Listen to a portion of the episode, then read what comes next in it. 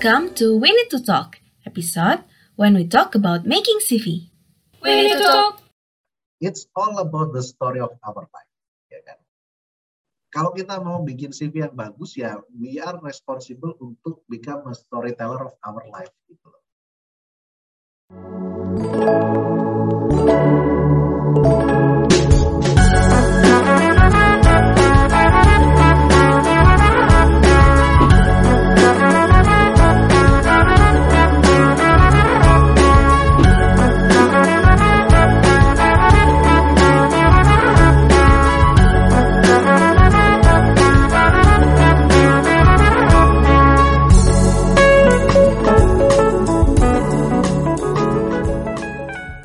Selamat pagi teman-teman lingkaran dan juga teman-teman yang sudah menyempatkan waktu pada pagi hari ini dan sudah datang untuk mendengarkan WNTT yang berjudul When We Talk About Making a CV. Nah, teman-teman sebelum itu uh, mungkin aku akan memperkenalkan diri sedikit dulu biar teman-teman di sini, audiens di sini bisa lebih kenal aku karena di sini aku akan menjadi moderator. Oke, aku Nadira dari Partnership and Activation Executive di Lingkaran. Dan karena kita hari ini akan membahas tentang CV, tentunya speaker hari ini nggak kalah kece dan pastinya sudah punya banyak banget achievements yang di eh, sudah di em, dapatkan ya selama beliau berkarir di dunia profesional. Oke, halo Mas Yanuar, selamat pagi. Eh, semoga dalam keadaan sehat ya. Dan sebelum eh, kita lanjut ke main discussion bersama Mas Yanuar, aku ingin memperkenalkan beliau sedikit. Beliau merupakan VP Organization, Talent and Culture Development untuk Lazada Indonesia. Dan tentunya beliau ini atau yang biasa disapa dengan Mas Yanuar sudah memiliki banyak sekali pengalaman bekerja eh, mulai dari bidang finance lalu juga sekarang bergerak di bidang HR dan pastinya beliau atau Mas Yanwar ini sudah sering kali diundang untuk menjadi speaker yang membahas tentang CV, membahas tentang rekrutmen. Dan di sini eh, dari tim lingkaran sangat senang karena Mas Yanwar sudah menyempatkan waktu di pagi hari ini untuk ngobrol dan diskusi juga bareng teman-teman yang pastinya sudah nggak sabar banget nih buat ngedengerin apa aja sih yang harus kita uh, lakukan atau apa aja sih yang biasa kita obrolin tentang CV. Nah, karena kita sudah kenal nih dengan Mas Yanuar, aku juga mau menjelaskan uh, introduction atau sedikit pengenalan terkait topik atau materi yang akan kita diskusikan di UNTT hari ini atau pagi hari ini. Pastinya uh, yang sudah teman-teman ketahui bahwa uh, hari ini kita akan berdiskusikan terkait dengan CV. Apakah CV yang visualnya itu menarik atau misalnya CV yang memiliki format ATS itu sebenarnya yang mana ya yang kira-kira lebih dilirik atau lebih dilihat oleh para recruiters di perusahaan di luar sana. Dan pastinya nggak cuman formatnya aja, kita juga akan membahas tentang apa aja sih tips and trick saat membuat CV, lalu juga kesalahan umum yang biasanya dilakukan saat melakukan CV. Dan pastinya di sini Mas Yanuar ini aku mendapatkan sneak peek sedikit kalau Mas Yanuar akan memberikan sedikit contoh dan juga beberapa eh, istilahnya apa ya, memperlihatkan kita gimana sih CV yang sekiranya itu simple dilihat tapi tetap bisa memperlihatkan uh, pengalaman cerita kita atau perjalanan hidup kita untuk diperlihatkan atau untuk diberikan kepada perusahaan yang ingin yang ingin kita tujukan.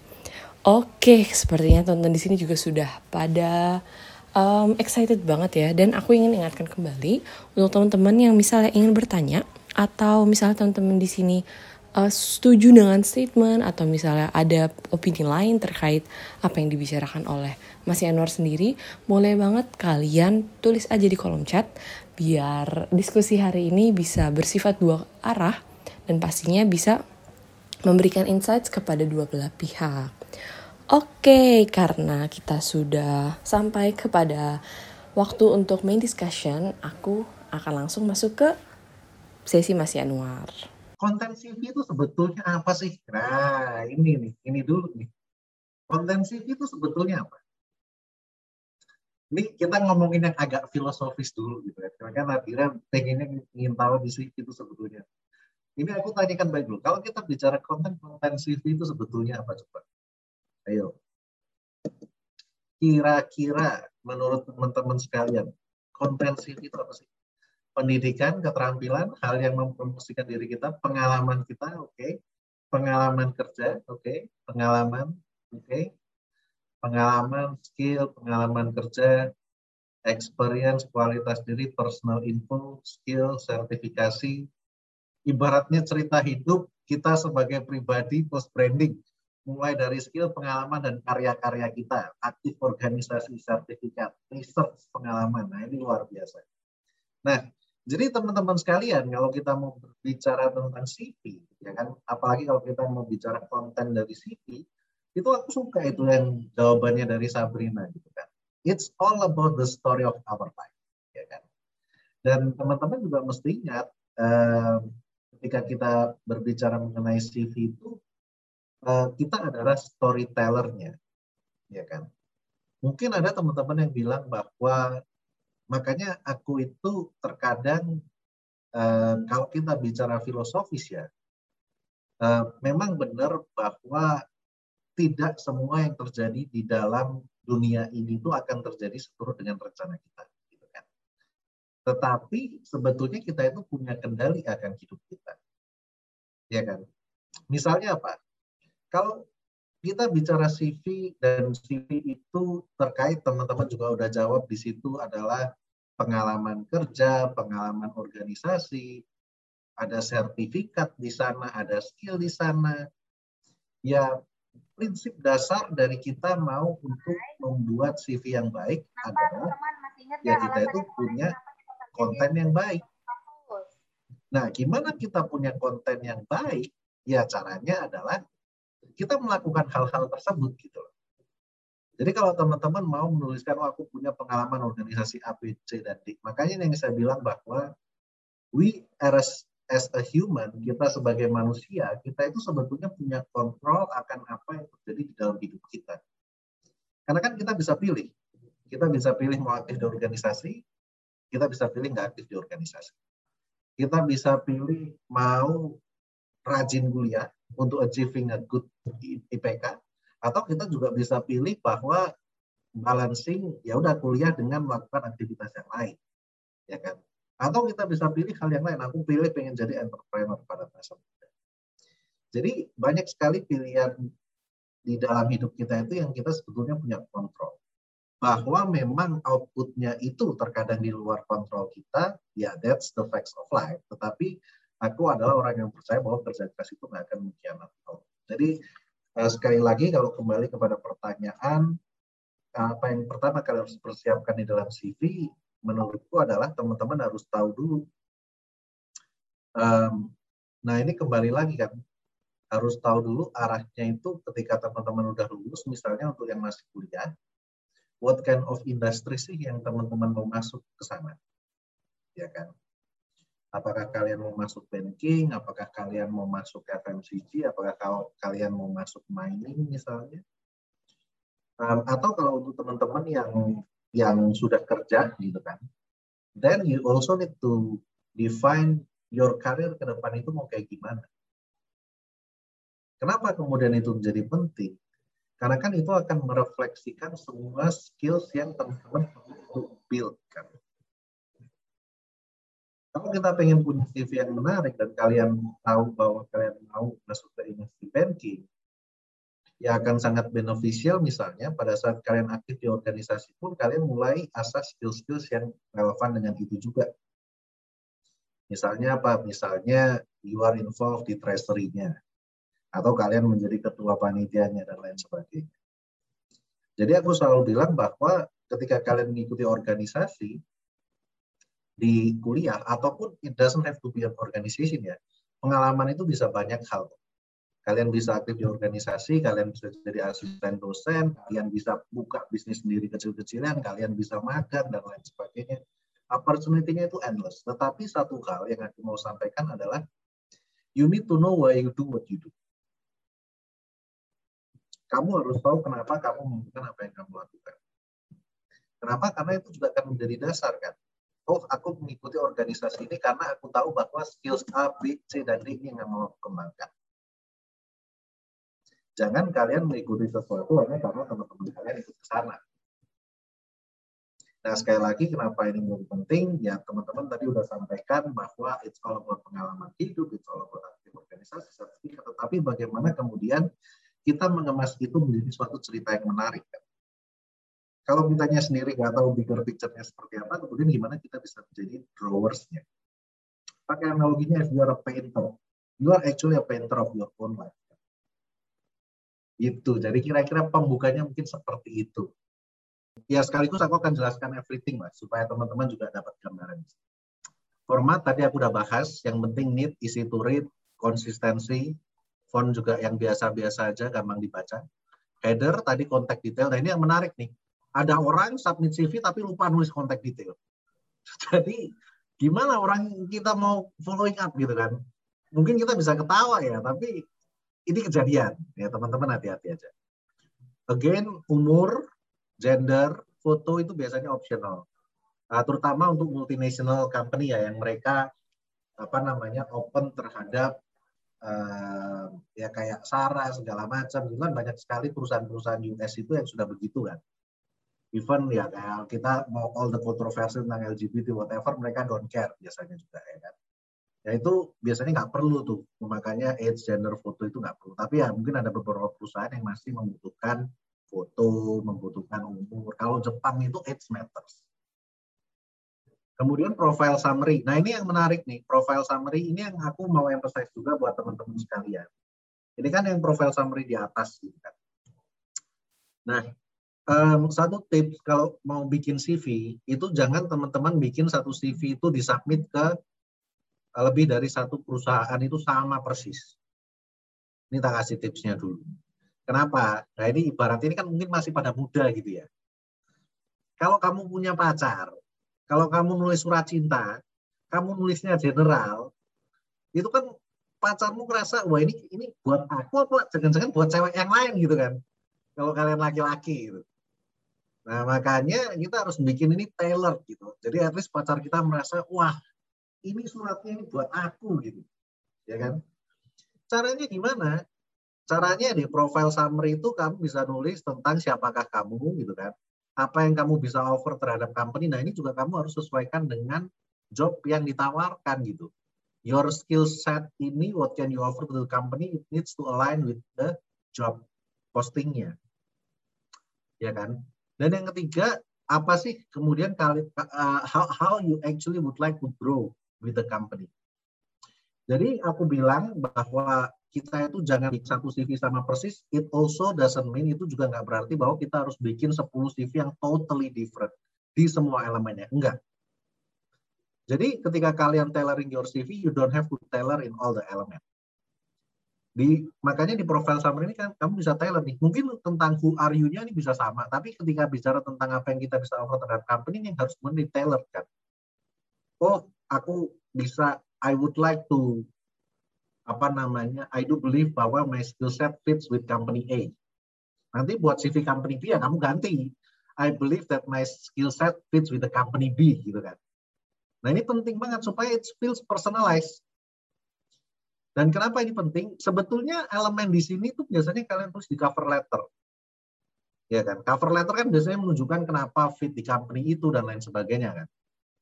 Nah, ini kenapa aku selalu saranin ada di sini supaya rekruternya juga pada saat baca ini bilang bahwa oh orang ini niat gitu. Niat apa? Niat bikin CV-nya itu betul-betul untuk company tertentu. Ya, walaupun mungkin 80 persennya itu sama persis, tapi 20 persennya kita tailor. Gitu ya, teman-teman ya. Ini, ini, ini penting banget ini. Nah, kemudian education, qualification, tadi aku udah bahas reverse chronological order. Nah, kemudian another things adalah sebelum ngomongin work experience, kayak misalnya skills skills ini juga harus detailed untuk emphasize your skills yang match dengan job requirement. Nah, sekali lagi, mungkin teman-teman juga udah pernah dengar apa yang namanya itu ATS. Automated apa ya, tracking system atau whatever itu kan. Jadi intinya ATS itu adalah automated system untuk memfilter CV-CV kalian. Nah, mungkin ada yang sering kali tanya kalau aku deliver CV session itu, gimana kita bikin CV yang proofread tentang apa namanya yang, yang bisa passing ATS lah intinya. ya kan? Sebetulnya kunci dari situ tuh kalau kita bicara ATS itu adalah keyword. Jadi saranku kalau teman-teman mau apply di suatu posisi tertentu, teman-teman download job requirement-nya. Paham ya? Jadi job requirement-nya di-download. Kenapa itu menjadi penting? Karena di job requirement kan teman-teman jadi tahu nih, oh kriteria yang dibutuhkan adalah pengalaman sekian-sekian, skills segala macam ini, ini, ini, ini, dan segala macam gitu kan. Nah, kalau teman-teman udah download job requirement-nya, teman-teman sandingkan dengan CV kalian. Coba dicek keyword yang ada di job requirement itu sama nggak dengan di CV itu udah ada atau belum. Simpelnya adalah beberapa beberapa job itu kata-katanya tuh mirip-mirip. Misalnya sales, marketing, business development gitu kan. Bisa jadi itu tiga itu artinya sama. Tetapi kalau memang yang dipakai di company-nya itu adalah marketing ya, teman-teman mesti ganti di CV kalian, misalnya business development skill diganti marketing skills. Kalau yang dipakai sales ya, teman-teman harus tulisnya sales. Jadi itu maksudnya keyword gitu. Jadi untuk ngecek apakah uh, eh, ATS proven itu teman-teman print job postingnya disandingkan dengan CV kalian, dicek keyword skills yang diekspektasi itu udah tertuliskan di CV exactly sama persis atau belum. Kalau belum ya kalian edit-edit kalian yang bisa. Gitu.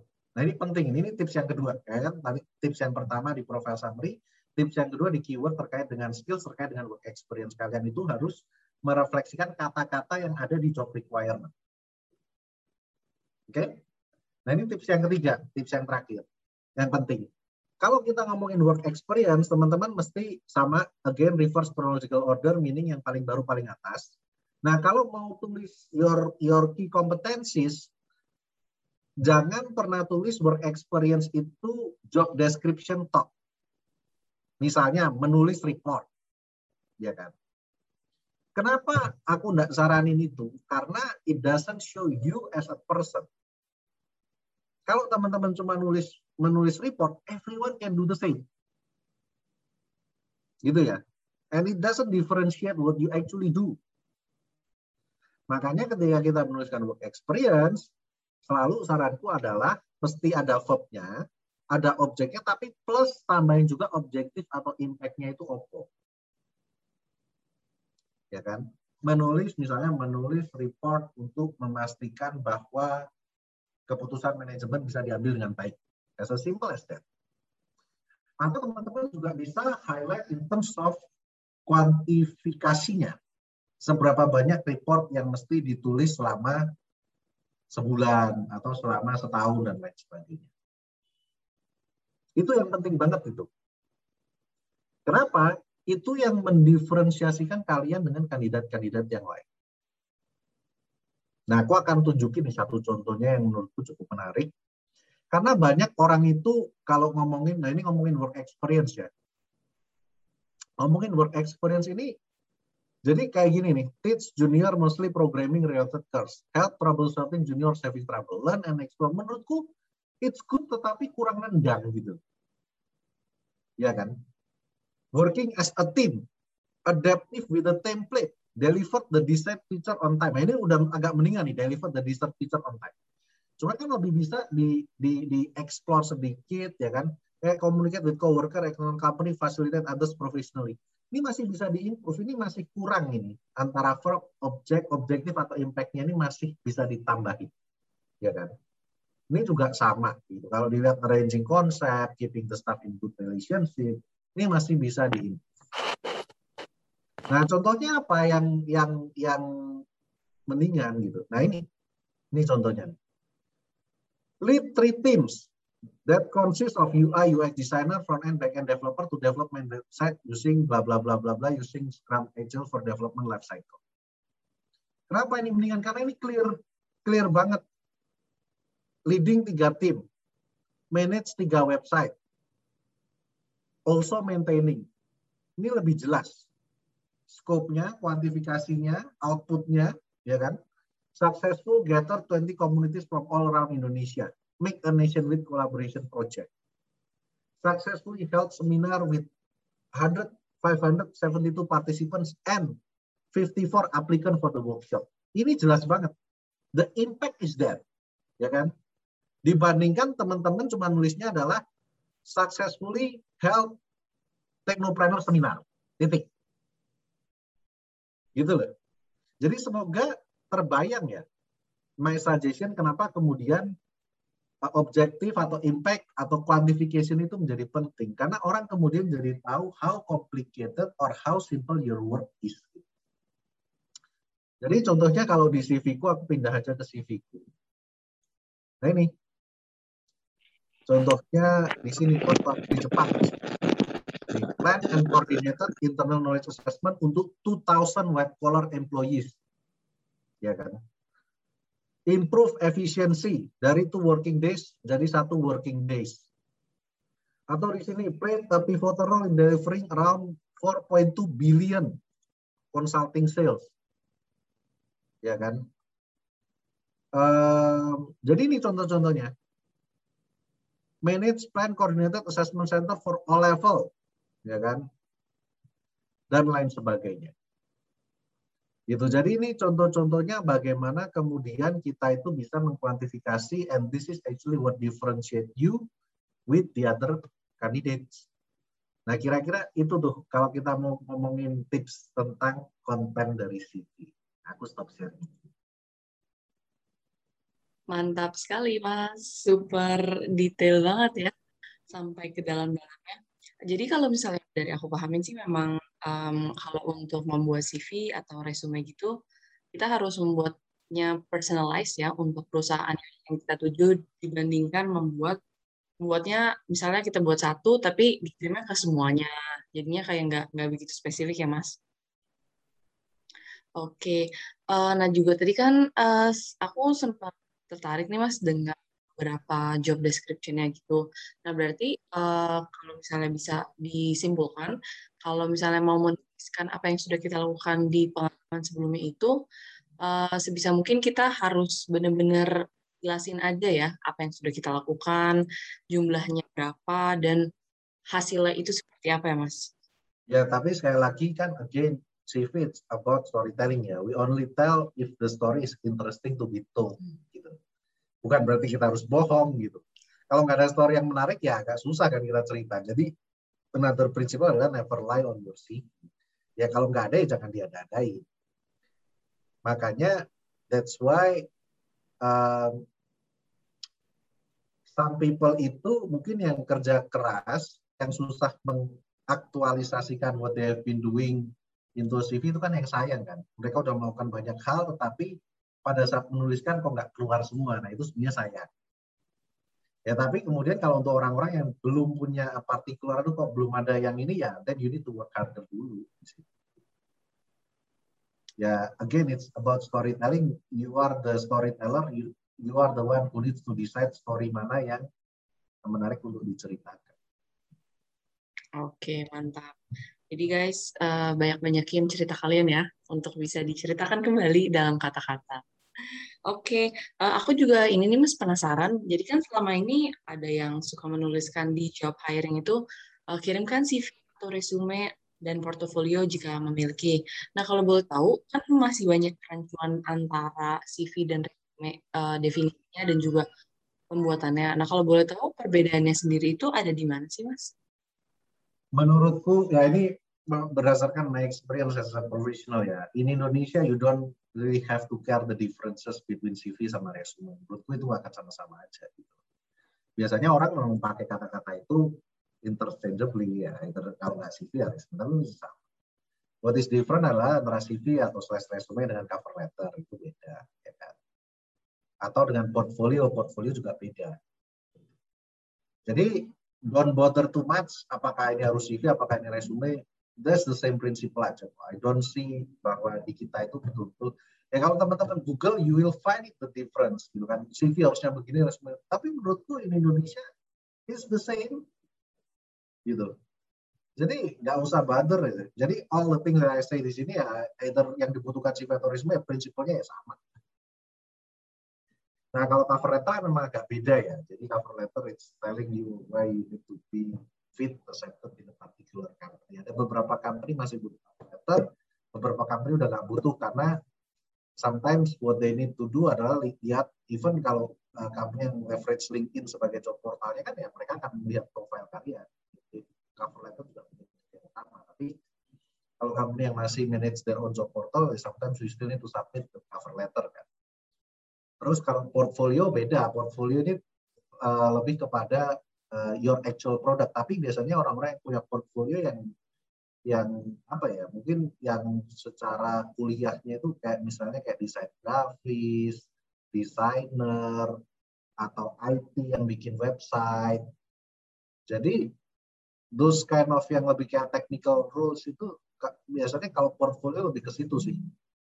Kalau kalian punya pengalaman mungkin website A, B, C, dan D, ya it can be included as in your portfolio. Lebih kayak misalnya kalian bisa taruh screenshot um, website yang pernah kalian bikin kayak gimana, explanation tentang itu. Jadi explanation on your actual product yang pernah dibikin itu portfolio, menurutku ya. Oke oke, berarti kalau di Indonesia nggak perlu dikhawatirkan banget ya soal format CV atau resume. Yang penting gimana kitanya aja menuliskan pengalaman, menuliskan hal-hal yang sudah kita kerjakan atau pada intinya storytelling kepada perusahaan yang kita ingin tuju. Iya. Karena jarang yang minta kirimkan CV dan resume itu jarang. Gak, gak ada Salah satu aja udah pusing ya mas. Gimana Sama. dua?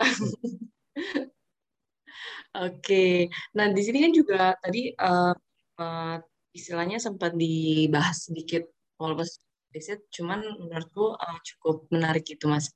Nah kalau misalnya di CV atau di resume gitu kan pastinya uh, kita ingin menunjukkan sebagaimana kita uh, atau misalnya CV itu sebagai personal branding kita nih mas. Nah caranya biar um, kita bisa menunjukkan passion kita atau mungkin apa yang kita suka dan apa yang bisa kita lakukan misalnya skills punya sertifikasi secara maksimal dan juga secara um, dilihat orang tuh kayak oh oke okay, berarti ini orang udah benar bisa ya? Atau kayak oh ini orang menarik banget nih. Nah itu gimana sih mas kalau boleh tahu? Um, gimana ya? Mungkin um, orang akan kemudian bisa melihat itu ketika mereka bisa apa ya um, understanding red line mungkin dari dari all the story in your CV kali ya.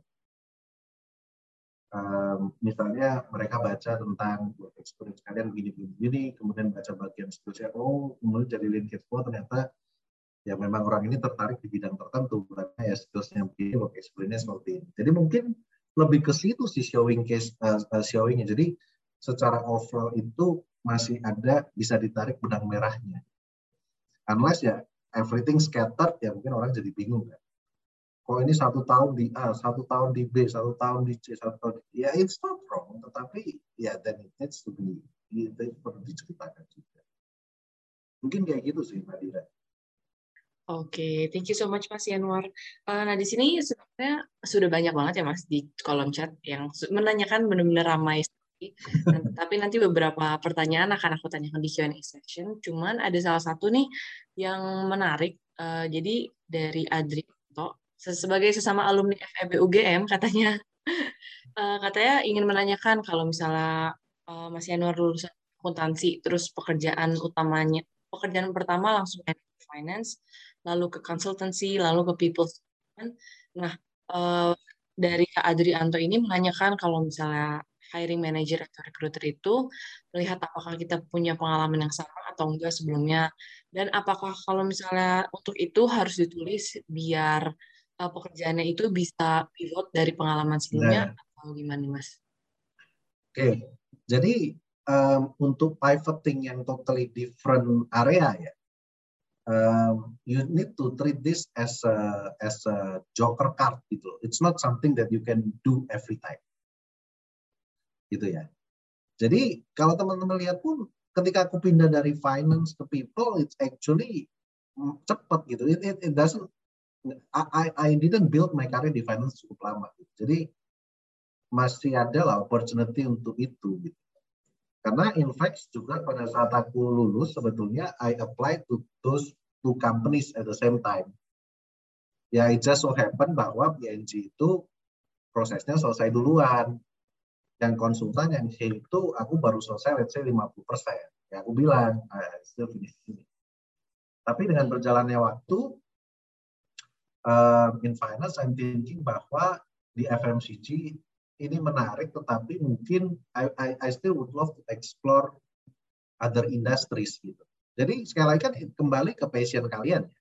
Kalau aku memang punya passion di finance, I think finance and FMCG still working at the PNG karena my colleague yang masuk bareng aku di angkatan itu sekarang juga posisinya udah luar biasa di PNG gitu. Banyak yang jadi finance uh, director, finance manager dan lain sebagainya. Karir is menurutku options. Nah, what happened to me adalah karena aku memang pengen explore industri yang lain.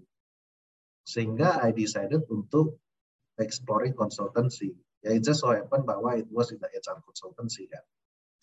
Jadi aku kontak company yang waktu itu aku udah uh, apa namanya yang company yang satu tahun itu and what interesting adalah I didn't need to redo the whole process gitu. Jadi aku tinggal lanjutin yang 50% enggak 50% proses seleksi sisanya aja.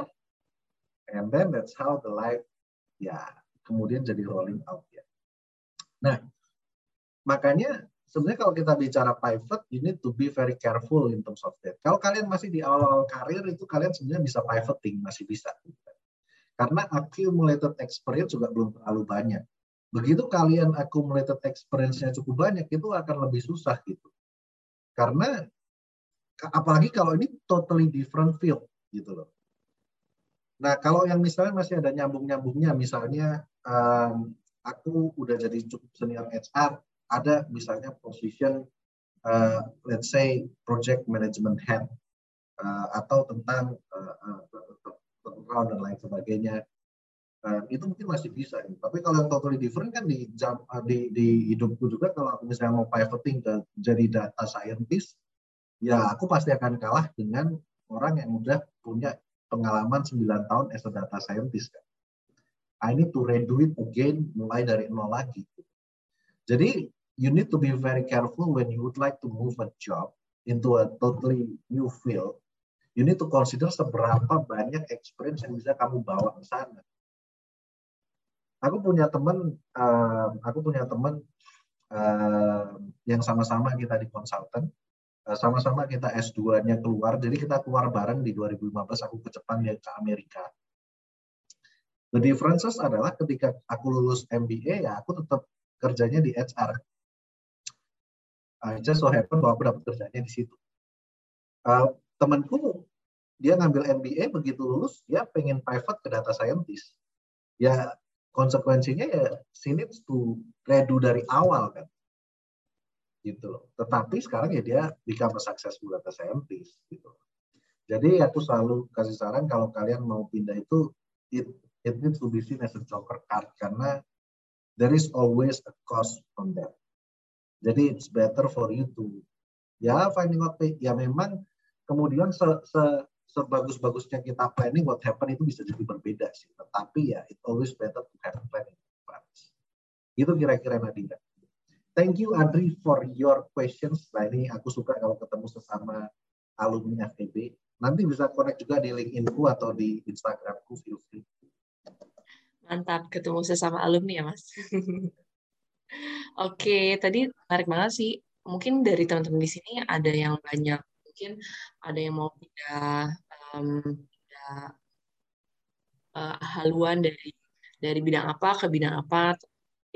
Uh, ada konsekuensinya mas yang harus di, diterima yaitu ya harus mulai dari nol lagi dan pastinya juga harus meluangkan waktu banyak banget karena kan uh, untuk memulai karir di suatu bidang baru itu nggak mudah ya. Bahkan untuk mencari dengan uh, experience yang sangat minim pun masih sangat uh, sulit ya dan menjadi sebuah tantangan ya.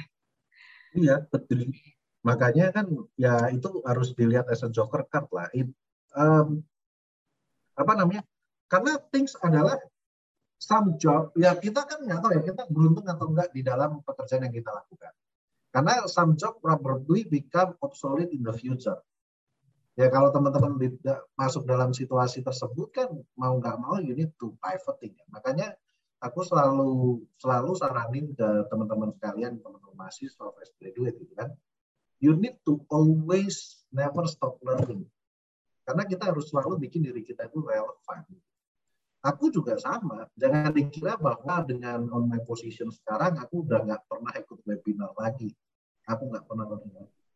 Once you stop learning, you, you are very difficult for you to know what is the latest trend. Aku selalu melihat company lain ngapain ya. Wah, company lain lakukan ini belajar dari mereka dan curi-curi ide. Kan?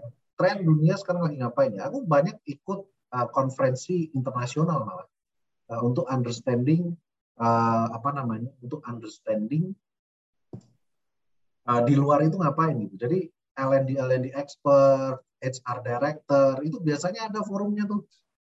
Jadi two, two hours kita mereka saling ngobrol, saling ngomong. Nah, I'm happy ketika melihat bahwa oh ternyata ya isu yang aku alami masih sama kok dengan para expert-expert di luar negeri.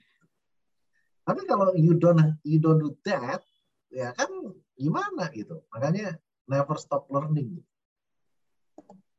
Mantap sekali. Salah satunya learning dari itu talk di sini ya Mas, pagi-pagi. Nah, Jam 10 hari Sabtu lagi.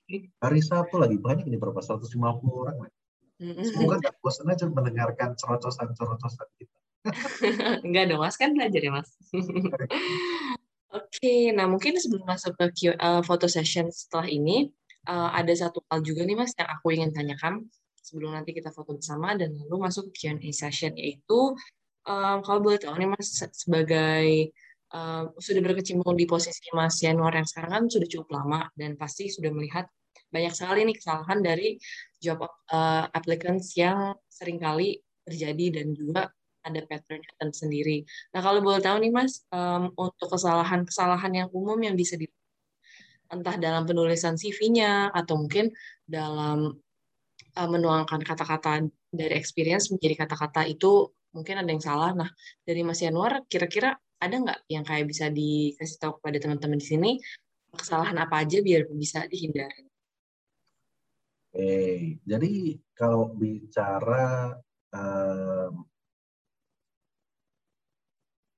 Nah, aku sharing screen aja lah supaya gampang. Jadi kesalahan-kesalahan umum, ya eh, kesalahan-kesalahan umum itu biasanya di sini nih. Nah, yang pertama jangan ada typo. Nah, itu jadi Nah, yang kedua itu menurutku ini yang tadi aku bilang. Jadi kalau kita nulis work experience itu jangan cuma ditulis very general gitu. Jadi kan kayak kelihatannya it's like another job posting aja. Tapi harus dituliskan sebenarnya apa yang kita lakukan di sana. What we are doing. Ya better kalau kita ada something impactful atau skalanya atau secara objektifnya itu jelas. Itu kan. Uh, pakai action word ini juga penting.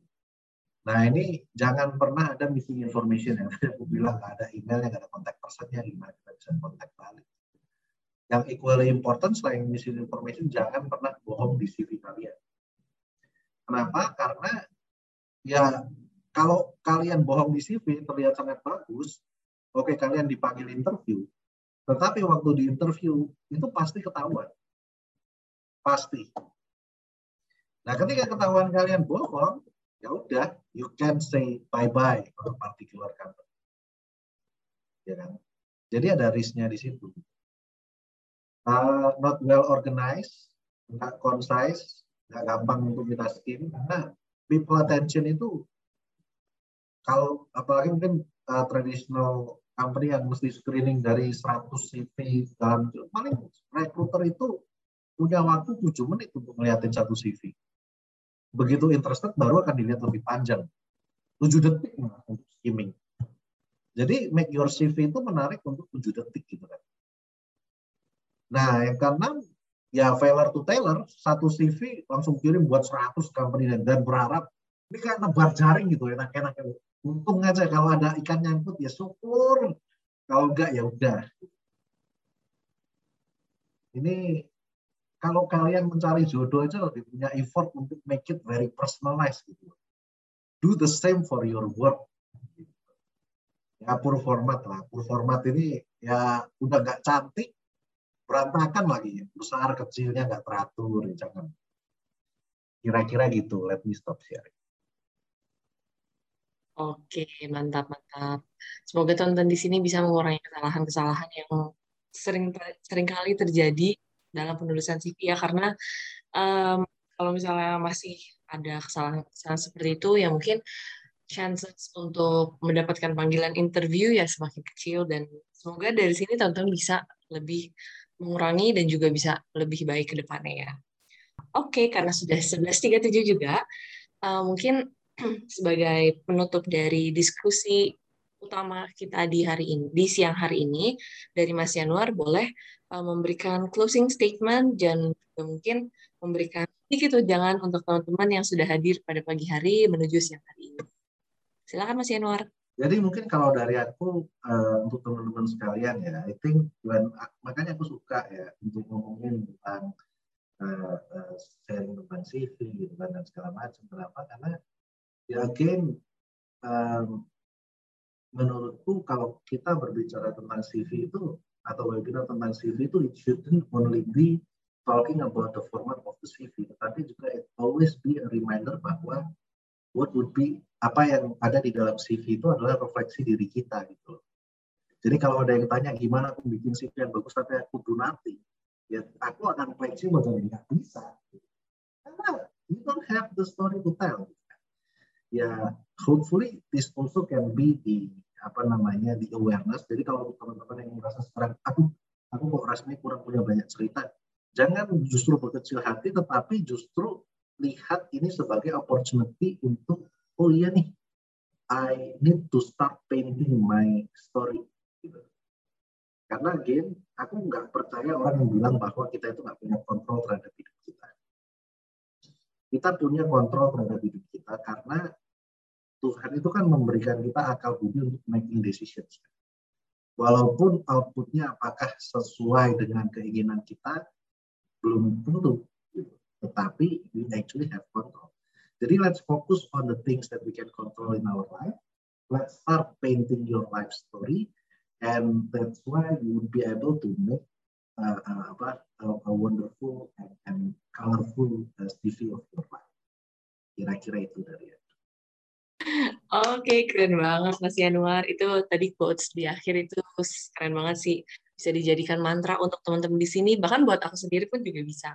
Jadi pada intinya teman-teman, konklusi dari diskusi hari ini bersama dengan Mas Yanuar bahwa you have to know what you do, terus juga don't stop exploring, don't stop learning, dan juga you have to paint colorful colors, terus juga harus bisa menggambar sebanyak-banyaknya dalam kehidupan kalian, entah dalam experience, working experience, professional experience, volunteering experience, social experience, experience apa pun, ini kalau misalnya menurut kalian bisa membawa kalian maju yang lebih baik, lakukanlah dan nanti CV kalian juga akan um, tercerminkan secara sendirinya.